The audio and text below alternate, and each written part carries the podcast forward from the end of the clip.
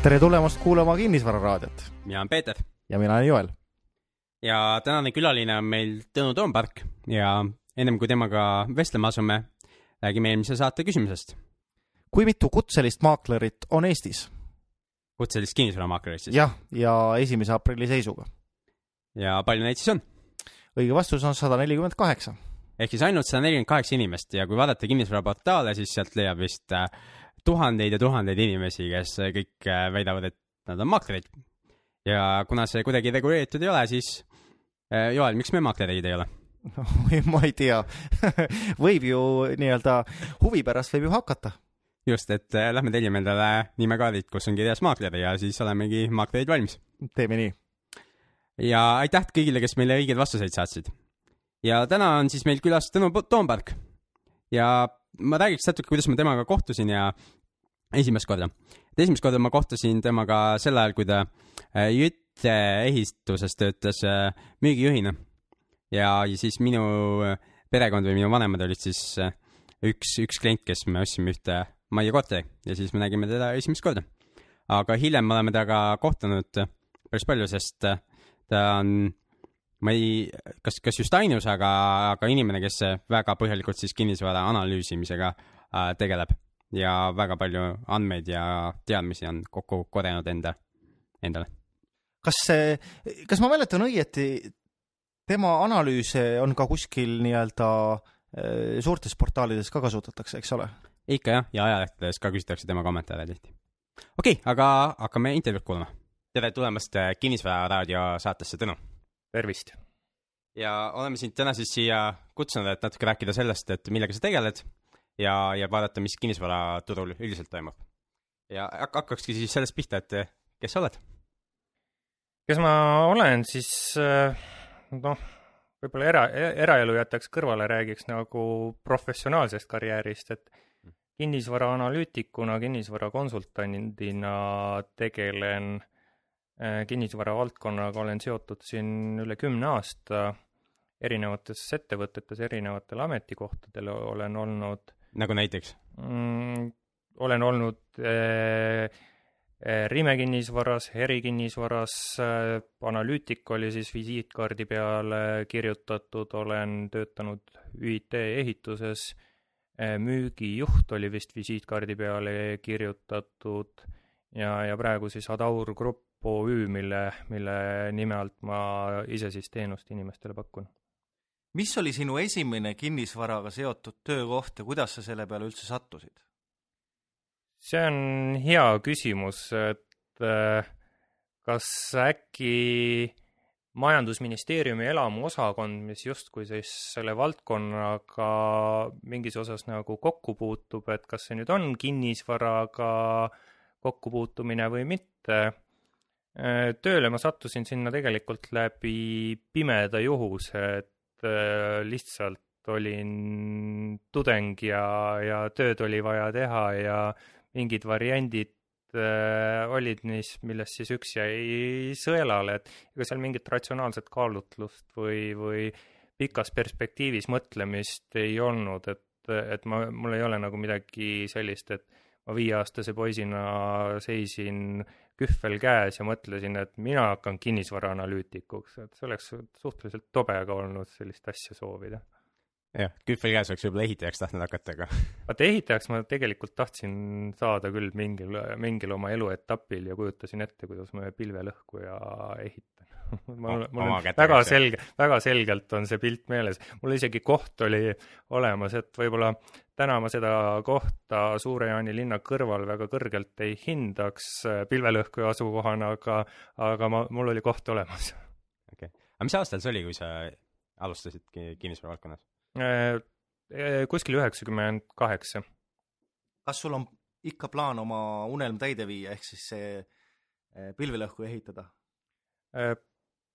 ei, ma, ma ei tegutse arenduse valdkonnas niimoodi aktiivselt, et et minu pilvelõhkuja võiks täna olla selline sümboolne ja võib-olla kuskil äh, mujal, et äh, kui eluteed sinna viivad, et miks mitte ka pilvelõhkuja siis päris niimoodi päriselt valmis teha.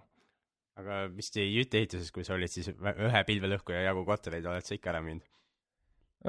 no korterid, ega ma tegelikult väga täpselt ei teagi, palju müünud olen, sada, sadades äh, ikkagi ja, ja no mis siin salata, et seal ÜIT-s käis ta sellise äh, konveierina, et ma arvan, et rekord oli see, et kus äh, notar luges korraga ette võib-olla mingit viite-kuute lepingut.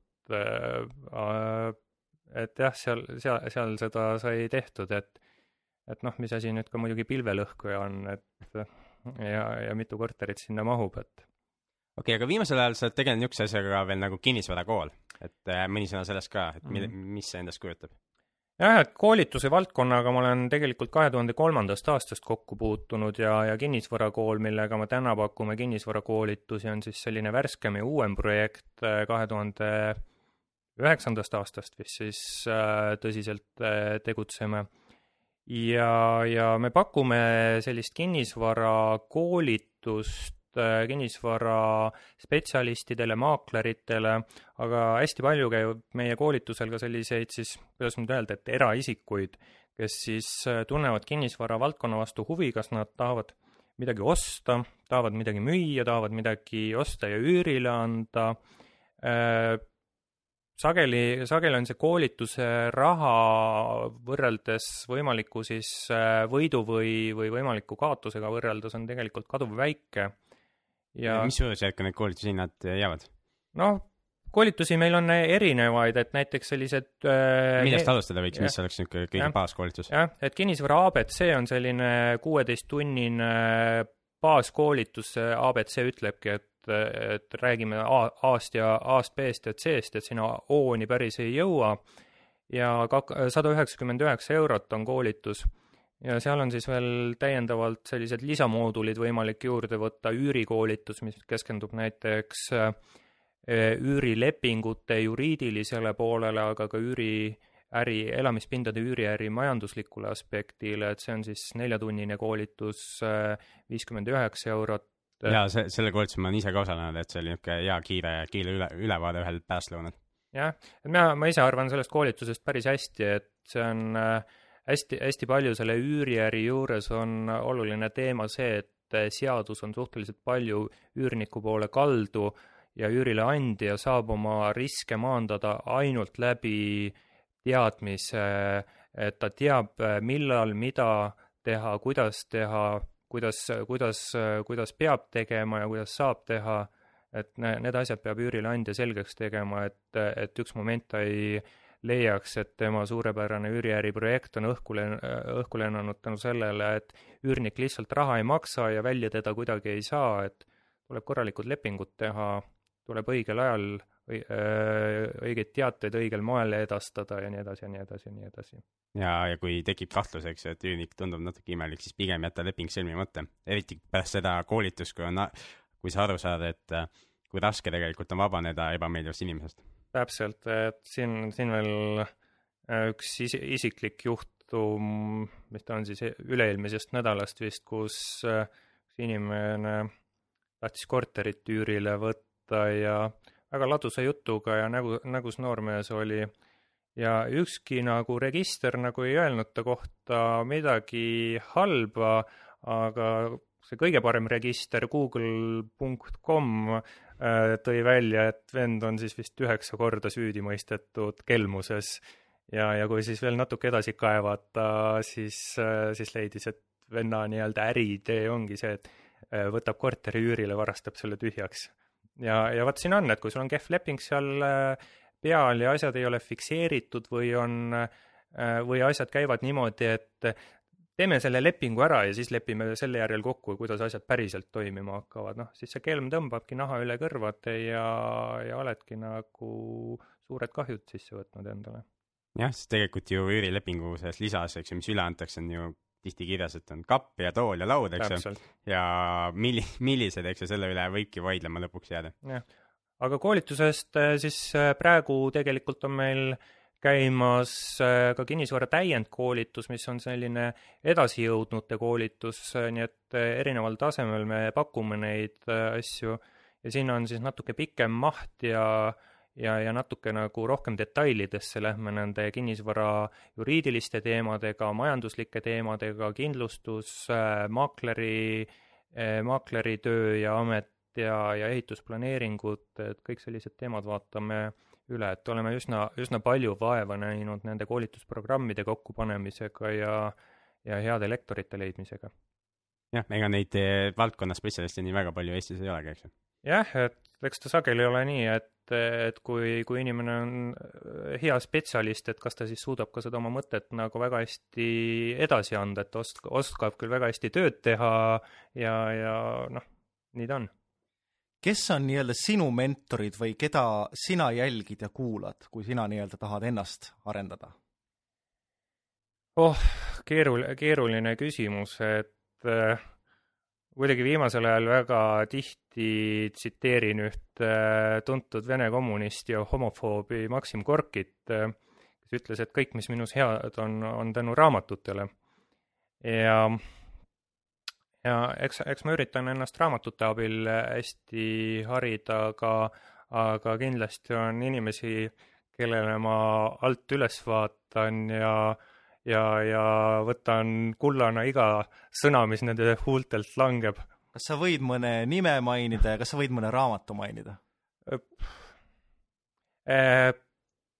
ma, ma siis mainiks, ma mainin raamatu, jah, raamatut võin mainida et viima-, viimase aja üks paremaid nagu kinnisvarateemalisi raamatuid, mis ma lugesin, on Nobeli majanduspreemia laureaat Joseph E. Stiglitzi kirjutatud Vaba langemine.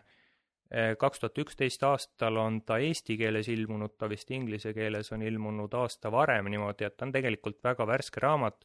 ta on äh, majanduskriisist, sellest samast kriisist, kus me täna oleme ja, ja, ja selle kriisi olemuse üks äh, suur osa on äh, kinnisvarakriis, et väga, väga asjalik raamat, ma soovitan kõigil lugeda, äh, kes tahab nagu kuskilt raamatupoest otsida seda internetis, siis Vaba langemine, kirjutage lahku ja ja, ja, ja ma usun, et see on kindlasti nagu väärt investeering, et sellisest suurest pildist aru saada, kuida-, kuidas need asjad toimivad ei, aga siit võikski edasi jõuda selleni, et eh, mis sa näed, mis täna nagu Eesti kinnisvaraturul toimub?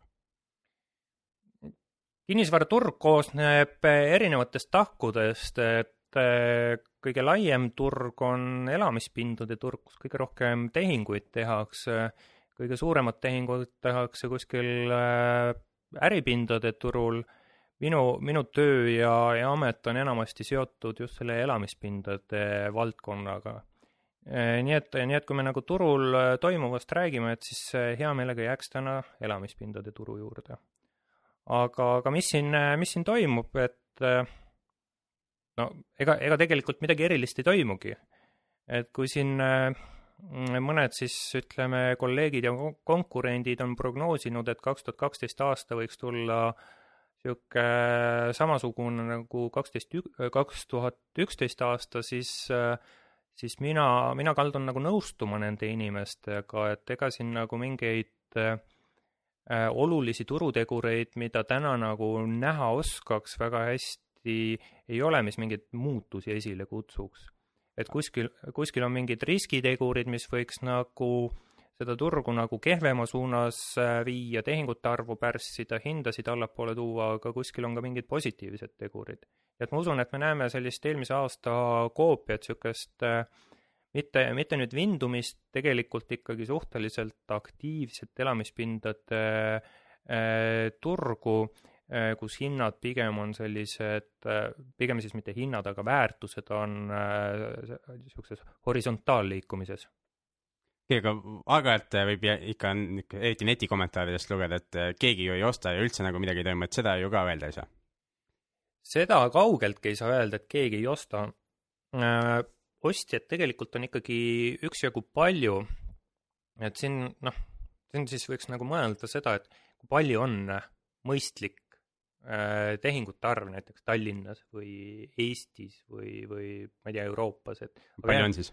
aga jääme, jääme nagu Tallinna juurde no,, kus on just. selle, selle turu, kinnisvaraturu ja sealhulgas ka elamispindade turu peamine osa, siis eks ta peaks nagu mingi suhtarv olema, äh, mis on siis äh, võrdeline elamispindade koguhulgaga Tallinnas. ja kui Tallinnas on kakssada tuhat elamispinda, kakssada tuhat eluruumi, mis siis koosneb enamuses korteritest, aga ka ridaelamukorteritest, paarismajakorteritest, ühe pere elamutest, siis, siis ja tehinguid tehakse meil kuskil suurusjärgus kaheksa tuhat, siis see tähendab seda et, et neli protsenti elamispindadest, neli protsenti eluruumidest on aastas käibes. ja, ja selline, ütleme, teoreetiline kirjandus loeb, et mõistlik tehingute arv võikski olla kuskil kolme ja viie protsendi Äh, suurusjärgus. kui me nüüd arvestame seda, et Eesti, Eesti elamufond on hästi palju siis äh, üksikisikute käes, et võib-olla siis selle arvelt äh, võiks see meie hea, hea number tehingute käibe osas olla siis mitte niivõrd kolm kuni viis protsenti, võib-olla neli kuni kuus, et siis me oleme nagu tegelikult täiesti seal normaalsel tasemel sees. me peame veel arvestama seda ka, et me oleme veel majanduskriisis kuigi nagu paljud numbrid näitavad meile suhteliselt positiivseid majandusarenguid, tööpuudus väheneb, palgad tõusevad, vähe aga tõusevad, isegi reaalpalgad tõusevad, äh, ehitusmahud kasvavad ja, ja nii edasi ja nii edasi ja nii edasi, et äh, siis ikkagi me oleme nagu kriisist alles äh, väljumise teel ja, ja kui pikk see väljumine on, sõltub sellest, mis meil siin Euroopa Liidu lõunaosa riikides toimub hästi palju aga mis, kui niimoodi perspektiivi panna, et kui kinnisvarabuum oli, et mm -hmm. siis kaks tuhat viis, kuus, seitse, eks ju mm, -hmm. et äh, palju siis tehinguid äh, toimus, et mm? -hmm. no Tallinnas toimus siis niimoodi tehinguid, et kolme aastaga käibis kuskil kakskümmend protsenti eluruumidest. ehk, ehk kuskil seitse-kaheksa protsenti eluruumidest käibis aastas ehk siis kolme aastaga tegelikult iga viies nagu korteri vahetas omanikku? Äh, korter või ühe pereelamu. okei okay,, et äh, mõni vahetas äh, palju kordi omanikku ja mõni mitte kordagi. Tartus olid need numbrid kusjuures veel kõrgemad. Mhm. et Tartu turuaktiivsus oli jah, märgatavalt kõrgem kui Tallinnas ja sellele järgnes ka märksa suurem kukkumine no et siis võibki aru saada, et kui keegi tuleb nagu sealt perspektiivist vaatab asju, et siis ta ütlebki, et täna nagu mitte midagi ei toimu enam jah, et, et me ei tohiks nagu liiga palju võrrelda ennast mingite kaks tuhat seitse või kaks tuhat kuus aasta tippudega, sellepärast et täna on ikkagi selline konsensuslik arvamus, et eh, inimesed läksid lolliks sellel ajal ja me ei peaks nagu ennast selle ajaga võrdlema. kui me tahame ennast mingi sellise mõistliku ajaga võrrelda, siis eh, pigem tasuks vaadata kuhugi kaks tuhat kolm või kaks tuhat neli aastasse, mis, eh, kus kaks tuhat neli oli juba selge niisugune buumi algus tänase tarkusega, mitte siis toonase tarkusega, ja kaks tuhat kolm oli niisugune noh, lihtsalt, lihtsalt üks äh, mitte midagi ütlev aasta võib-olla. kaks tuhat neli ma tegin ise oma esimese kinnisvaratehingu ja, ja siis tundus ka, et nagu hinnad kuidagi väga ki-, noh, juba liiguvad ülespoole ja, ja, ja vaatasin mm. üürisuhteid, ma mäletan, kuidas ma tol hetkel arvutasin neid ja vaatasin, et nagu e-, ebamõistlikuks hakkab see asi minema ja, ja kaks tuhat viis, kuus oli juba täiesti ebamõistlikud need, need suhtarvud jah, täpselt, täpselt nii ta, nii ta oli ja, ja ja, ja hea, hea on, et, et me saime nüüd sealt nagu üle, et eh, eks kindlasti tuleb meil järgmine buum ja tuleb järgmine kriis, et eh, vaevalt meil jätkub seda tarkust neid ära hoida, aga millal tuleb järgmine buum?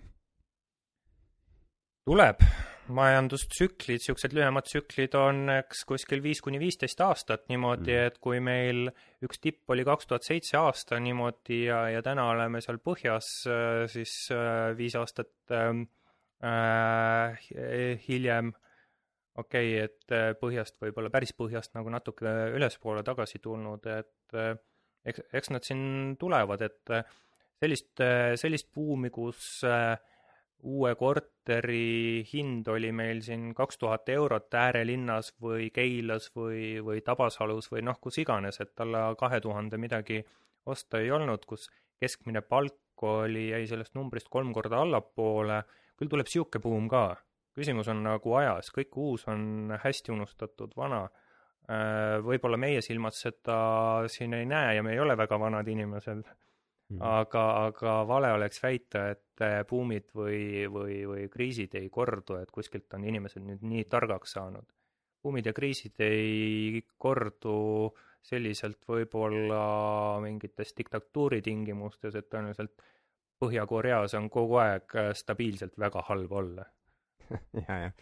et ja ma ise ka usun, et need buum kindlasti uuesti tuleb, sest vaadates nagu inimesi ja inimeste seda ahnust, eks ju siis tegelikult ikkagi väga paljud turuosalised on ju huvitatud sellest, et äh, saaks uue buumi, eks ju, maaklerid on huvitatud, et saaks rohkem tehinguid, eks ju, müüjad, müüjad on huvitatud, et hinnad üles läheks, et nad omalt poolt ju tegelikult pidevalt teevad kõike seda, et, et seda hinda üles lükata, et lihtsalt, lihtsalt vist on küsimus selles, et millal see niisugune massiliseks eufooria taaskord läheb, et, et, et luua need tingimused uueks buumiks ja ma, ma usun, et need lähe-, lähemad nagu kinnisvarabuumid ei saa olema nii suurte muutustega, nagu me siin nägime kaks tuhat viis, kuus, seitse aastal või, või mm. siis miinusmärgilisi muutusi kaks tuhat kaheksa aastal, kaks tuhat seitse oli ju suhteliselt selline äh, stabiilne tegelikult äh,. aga, aga kindlasti nad tulevad, aga selle buumi nagu igatsemine ei pruugi ka väga mõistlik olla, et ma just rääkisin ühe kodanikuga, kes ütles, et siit teenisime buumi ajal nii mitu miljonit, teisest kohast nii mitu miljonit, siis sealt veel nii mitu miljonit ja pärast ostsime selle eest äh, hullult kavalad olime, ostsime põllumaad nagu Tallinna lähedale, et millega, mille väärtus siis kukkus eks pärast kordades, et mis kergelt tulnud, see kergelt läinud niimoodi, äh, et, et, et äh, eks ta nagu sellise pikaajalise perspektiiviga turuosalise huvides oleks ikkagi stabiilne ja etteprognoositav areng, kus sa võiksid teada, milline on sinu näiteks intressimäär täna, kolme aasta pärast, viie aasta pärast, kuidas mingid hinnad muutuvad, et need hinnahüpped eh, annavad võimalusi pigem selliseks lühiajaliseks eh, spekuleerimiseks kui pikaajaliseks äriks. seda küll, jah. aga mis veel kinnisvara hinda mõjutab? et eh, mingitest asjadest oli juba, juba juttu, aga, aga mis veel võiks olla? no mina, mina sellise akadeemilise haridusega inimesena vaataks kõigepealt nagu kuskilt hästi kõrgelt äh, seda pilti, et mis seda hinda siis mõjutab, et äh, et nõudlus ja pakkumine on äh, need, mis siis kuskil ristumiskoha kandis panevad paika nõutavad kogused ja pakutavad kogused ja, ja siis äh, vastavalt ka hinna. Et... ja, ja need, kes ei ole majandust kunagi õppinud või majandustunnis käinud, siis see tähendab seda, et mis see tähendab? mida see tähendab? see tähendab nagu seda, et kuskil on turul need, kes vajavad mingit kaupa, antud juhul me räägime siis kinnisvarast, ja kuskil on siis mingid kodanikud, kes pakuvad seda kaupa, siin me räägime kinnisvaraarendajatest, aga me räägime ka äh, väga paljudest inimestest, kes äh, omavad äh, kinnisvara, mida nad on sobiliku hinna eest valmis alati müügiks panema et, et, et, et ja ei..., ja siis nagu matemaatilises mõttes töötab see siis niimoodi, eks ju, et mida rohkem nagu nõudlus on, nõudlust on, eks ju, seda kõrgemaks hinnad lähevad. ja, ja mida vähem nõudlust on, siis seda madalamaks hinnad lähevad ja pakkumine siis sarnaselt, eks ju, et mida, mida rohkem pakkumist on, seda mm. madalamaks hinnad kipuvad minema ja mida vähem pakkumist on, eks ju, seda kõrgemaks kipuvad hinnad minema täpselt, täpselt nii ta on, et äh, mida me nägime vist eelmine aasta nüüd üüriturul sügisel, mis toimus, et pakkumine nagu vähenes ja hinnad siis kohe korrigeerisid ennast ülespoole. täpselt, täpselt niimoodi, et, et kui turul toimuvad mingid äkilised muutused, okei okay,, siin, siin, siin siis võib-olla tuleks juba minna natuke keerulisemaks äh, ja hakata rääkima pakkus, pakkumise nõudluskõverate nihetest, aga ma arvan, et me sinna, sinna tasemele praegu ei, ei, ei lähe, et et kui raadiopilti ka näitaks, siis võib-olla oleks lihtsam neid asju selgitada. aga, aga see, see on jah, hea näide, kuidas korraga oli turul palju inimesi ehk nõudlus suurenes, kes tahtsid üüripinda saada, kuivõrd, kuivõrd seda üüripinda leida oli keeruline, siis inimesed pidid selle eest järjest rohkem ja rohkem olema valmis maksma ja, ja niimoodi need hinnad tõusid. nii et nii et eks need nõudluspakkumine olegi need, mis nagu siis suures plaanis selle kinnisvara hinna paika panevad ja, ja eks siis peaks nagu vaatama, et mis, mis tegurid seda nõudluspakkumist just kinnisvaraturul mõjutavad. et meie mis need peamised asjad on? See, see on nüüd nagu niisugune tautoloogia, aga, aga nõudlust ja pakkumist ja seeläbi hinda mõjutab hästi palju hind ehk hind ise mõjutab hinda. Kui, kui, kui kinnisvara hind või noh, mis iganes kauba hind on väga madal, siis on lihtsalt rohkem inimesi, kes soovivad seda soetada ja kui seda kaupa võimalik odavalt toota, et noh, siis on ju kõik võidus. aga noh, nõudlust mõjutavad näiteks, mida siis äh,, kus võib paralleele tõmmata näiteks kaks tuhat kuus aastaga, et inimeste ootused. mida me ootame äh, hinnamuutuse osas? kaks tuhat kuus aastal kõik inimesed arvasid, et hinnad tõusevad, järjepanu tõusevad ja, ja langeda ei saa, mis tähendas seda, et äh, täna tuleb osta, sellepärast et homme osta on juba oluliselt kallim.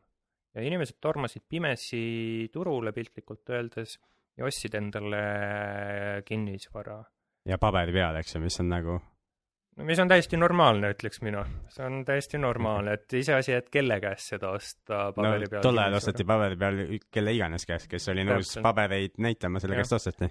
aga, aga kui, kui ma ostsin äh, kaks tuhat kuus võib-olla miljoni krooni eest liiga palju enam ei saanud, aga läheks aasta varemaks, äh, varemasse aega, et kaks tuhat viis aastal ostsin miljoni krooni eest midagi paberi peal, ma panin sinna kümme protsenti enda raha broneeringuna ehk sada tuhat äh, krooni ja, ja pool aastat läks mööda ja, ja korraga nagu ma vaatasin, et, et mul on võimalik see enda broneering müüa maha edasi kellelegi kahesaja tuhande euro eest. ehk mul oli võimalik krooni eest ikka? vabandust, jah, kahesaja tuhande eh, krooni eest. ehk minu, minu nii-öelda seisma, pooleks aastaks seisma pandud raha väärtus oli korraga kahekordistunud ja ja see, see võis ahvatleda uusi tegusid tegema? ma usun, et paljusid ahvatles, eks nii et, äh, nii et see näiteks selline tuleviku ootus äh, nõudluse poole pealt on äh, väga, väga oluline tegur. mis ma ise olen lugenud, et palgad ja töökohad on vist ka üks oluline aspekte, mis nagu kogu, kogu asja nagu käima paneb. jah, täpselt, et mm, palk ehk sissetulek, et kui sissetulekut ei ole, et ega siis nagu kinnisvara kui väga kallist asja osta on keeruline. Ja, ja tööpuudus tuleb nagu sedapidi mängu, et kui tööpuudus on madal ehk turul on rohkem inimesi, kes omal palka teenivad ja, ja peres on äh, mitte üks inimene, kes teenib, vaid kaks, äh, siis, siis on ju jälle lihtsam seda sissetulekut teenida ja, ja teha selliseid pikaajalisi otsuseid, äh, nagu kinnisvara ostmine on.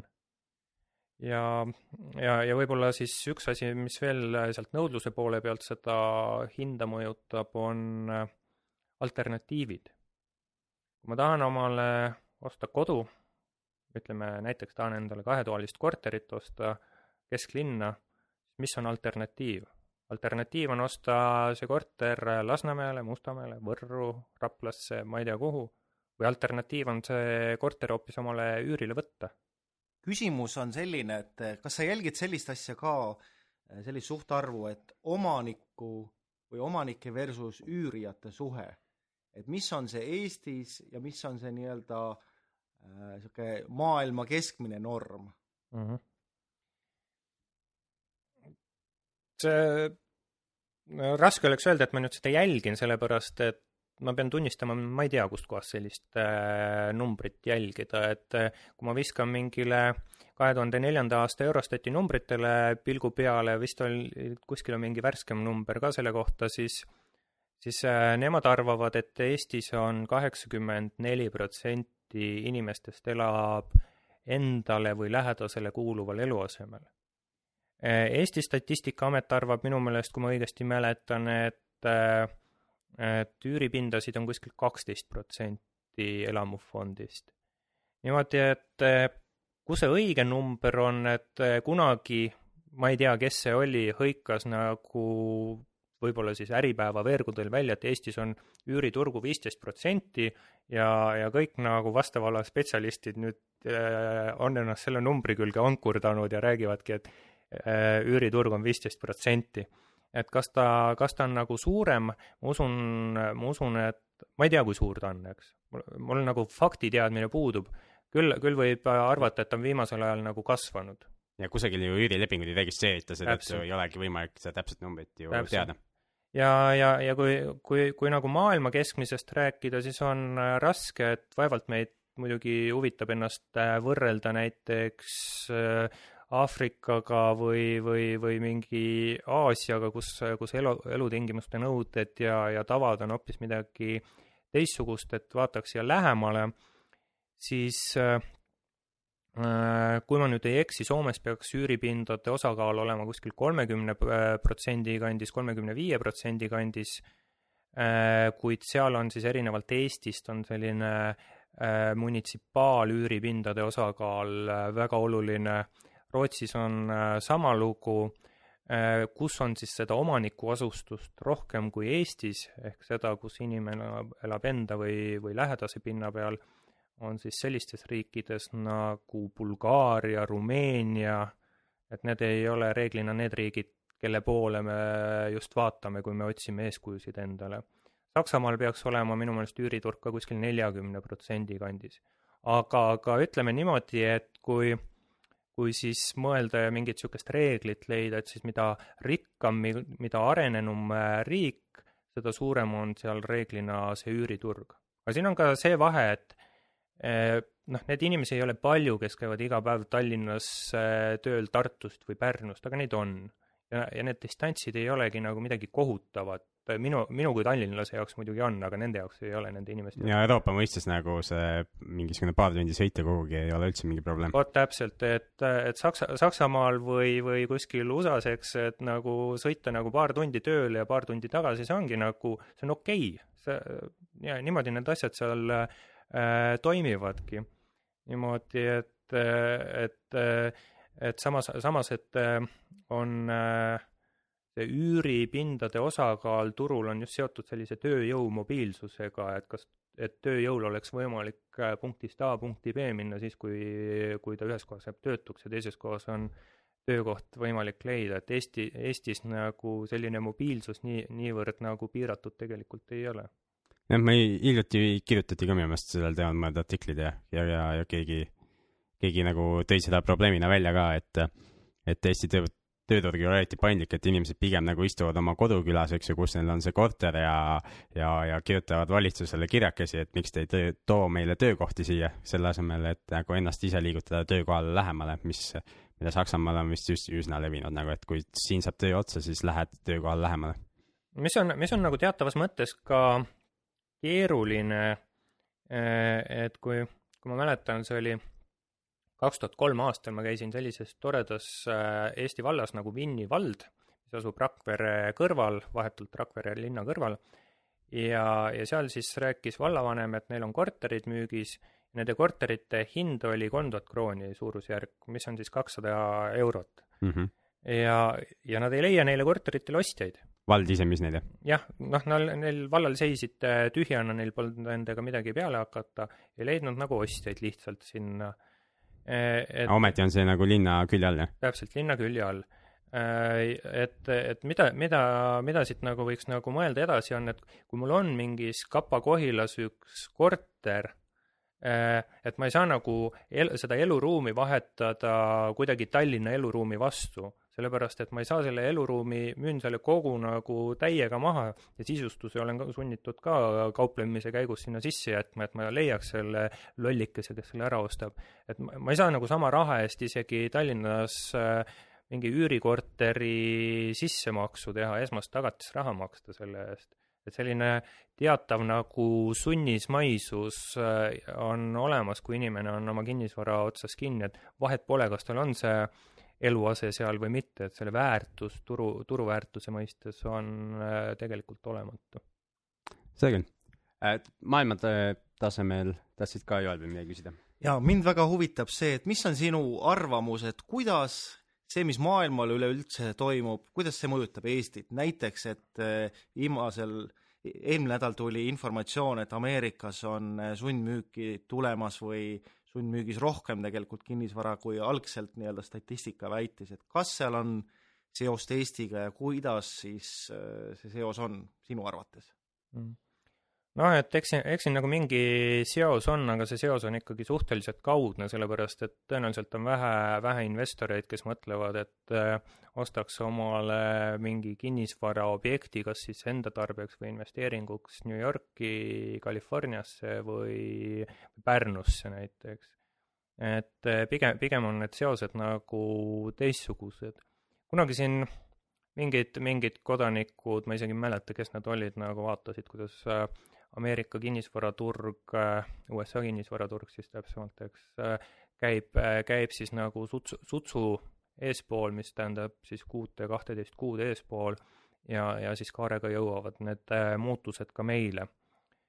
Ja eks eks nad nagu läbi, läbi sellise suure, suure ringi nagu mõjutavad globaalselt ikkagi, et Ameerika kui suurim, suurim selline ja rikas äh, tarbija, kõiksugu need kaubandussuhted ja, ja rahade liikumised, nii et need, need mõjud on nagu kaudsed, aga, aga mõjud, mõjud on nagu väga analoogsed meile. aga noh, ütleme viimaste nädalate uudistest, et USA kinnisvaraturu kohta äh, madalad intressimäärad äh,, mis võimald-, võimaldavad siis ka sundmüüke realiseerida võib-olla lihtsamalt või, või siis äh, lugesin just äh, mingeid optimistlikke noote tehingute arvu osas, et äh, et noh, vot see on, et äh, päriselus on sul alati nii, et sul on midagi plussi poole pealt ja midagi miinuse poole pealt ja mis see kogumõju pärast on, et äh, et see, see tuleb siis lihtsalt praktika käigus välja.